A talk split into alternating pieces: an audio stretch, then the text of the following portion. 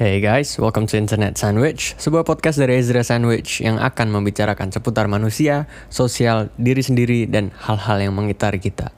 Di podcast ini aku akan banyak membahas tentang apa yang kita pikirkan dan kenapa kita berpikir seperti itu, serta sebab dari kenapa kita melakukan apa yang kita lakukan. Dan ini adalah episode pertama yang akan membicarakan tentang kenapa banyak orang yang membenci sosok teman yang datang waktu butuh aja.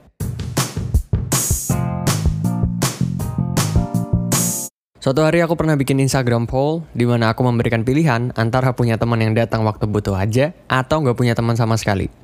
Dan aku kaget karena banyak yang pilih untuk tidak punya teman sama sekali. Mungkin mereka ini merasa kayak lakon keren gitu ya, kayak tokoh utama di suatu film yang nggak butuh bantuan siapa-siapa, di mana teman-temannya adalah pendamping dan harus melayani mereka setiap saat. Menurutku pribadi, itu pilihan yang sangat tidak bijaksana dan munafik. Karena nggak akan bisa temenan itu pasti ada kebutuhannya. Banyak hal-hal yang harus dilihat dari sudut pandang lain dan perspektif lain. Dan salah satunya adalah ini. Namanya temenan, pasti itu ada kebutuhannya. Kebutuhan yang kita pikir mungkin adalah project, bisnis, uang. Tapi kita lupa bahwa ada kebutuhan lain seperti bersosial, nongkrong, curhat, bercanda, dan lain-lain.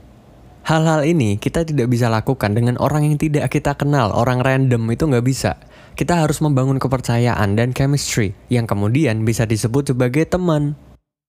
Secara psikologis pun sudah paten bahwa manusia itu bisa di titik ini karena mereka itu berkelompok, berteman, memiliki simbiosis mutualisme di berbagai kepentingan.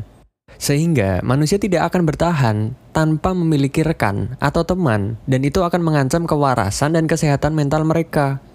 Tidak ada hubungan yang dilandasi tanpa suatu kepentingan dan kebutuhan otak manusia itu dirancang untuk memiliki sesuatu yang namanya kognisi, yang memproses ide, bahan pikiran mentah, teori, apa pun itu yang kemudian masuk ke pabrik otak, diproses dan dikeluarkan menjadi apa? Kata-kata, bahasa, gerakan, gambar untuk dipahami oleh orang lain. Sama seperti perut kita itu butuh makan, otak kita itu butuh orang lain. Ini adalah fungsi dasar manusia yang sebenarnya itu nggak perlu dijelasin. Bersosial. Makhluk sosial. Ada yang bilang nih, kak aku lebih pilih sendirian karena aku tuh pernah didatengin waktu butuh aja, terus dia hilang. Pertanyaannya adalah, kamu itu siapa?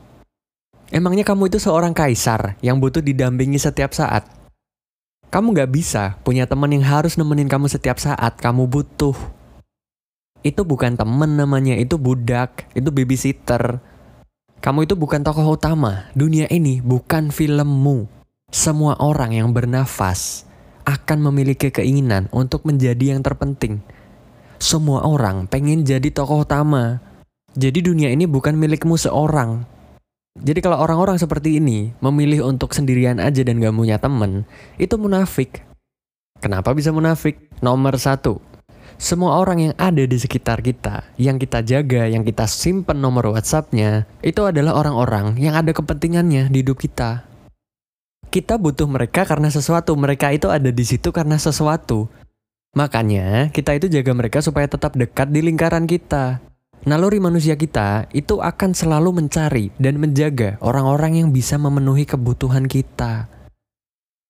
Jadi kalau ada yang membenci orang-orang yang datang waktu butuh, sedangkan mereka sendiri itu hanya berteman dengan orang-orang yang mereka butuh, itu jelas munafik.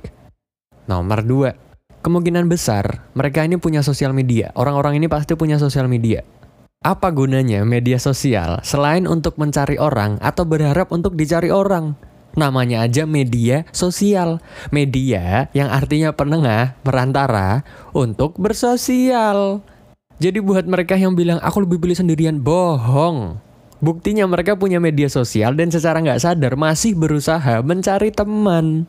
Kalau memang beneran mau hidup tanpa teman sendirian aja gitu, coba aja bikin akun Instagram di private, udah follow aja hal-hal yang kamu suka, artis lah apa kayak. Tapi followersmu harus selalu nol. Gitu rasanya. Jiwamu akan meronta-ronta untuk diperhatikan minimal itu satu orang.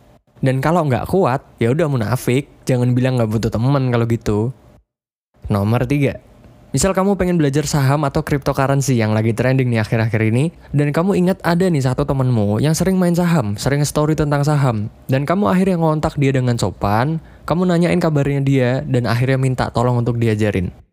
Pertanyaannya adalah, kamu ke mana aja selama ini?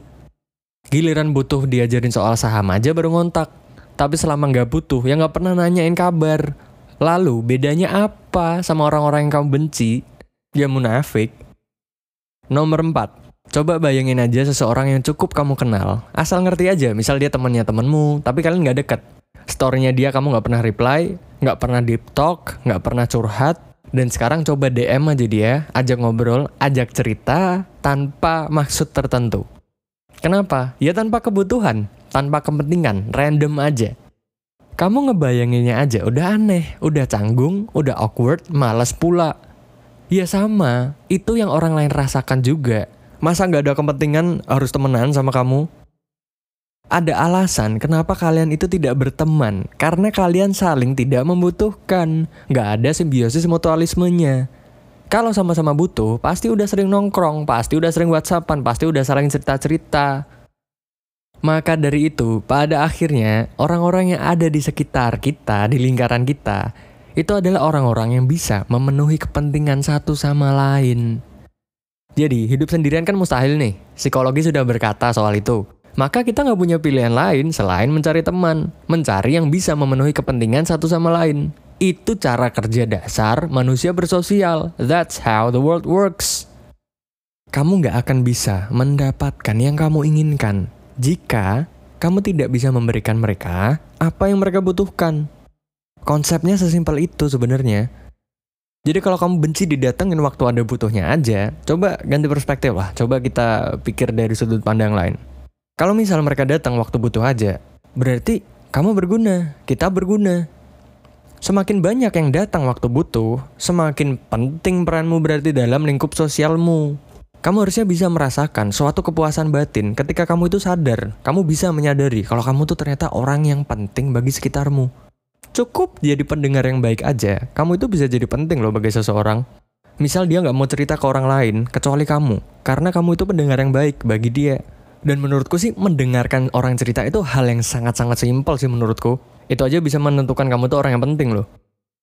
Jadi, dari sekarang, yang perlu digumulkan adalah bukan bagaimana cara menghindari orang-orang yang datang waktu butuh. Justru jangan dihindari. Justru itu yang akan menentukan kamu itu orangnya berguna atau enggak, penting atau enggak kamu gak akan pernah betah dan nyaman merasakan saat-saat di mana itu gak ada yang datang sama sekali karena gak ada orang yang butuh sama kamu. Kamu itu akan secara otomatis resah, gelisah, dan berusaha keluar dari zona itu. Kamu akan ingin menjadi orang yang berguna. Jadi yang harus digumulkan adalah bagaimana caranya kamu bisa berguna. Cari dan berikan manfaat yang bisa kamu kasih ke sosial, ke teman-temanmu, ke orang-orang yang baru kamu kenal, yang akhirnya bisa jadi temenmu. Stop berhenti berpikir bahwa ini adalah dunia fantasi. Dunia ini bukan film, dan kamu bukan tokoh utamanya. Tidak akan ada yang mau berteman denganmu tanpa suatu kepentingan. Karena kamu pun juga gitu. Kamu pun gak akan mau berteman dengan seseorang tanpa suatu kepentingan. Berhenti terlalu mengantagoniskan orang-orang yang datang waktu butuh aja. Karena itu satu-satunya cara untuk berteman. Oke? Okay?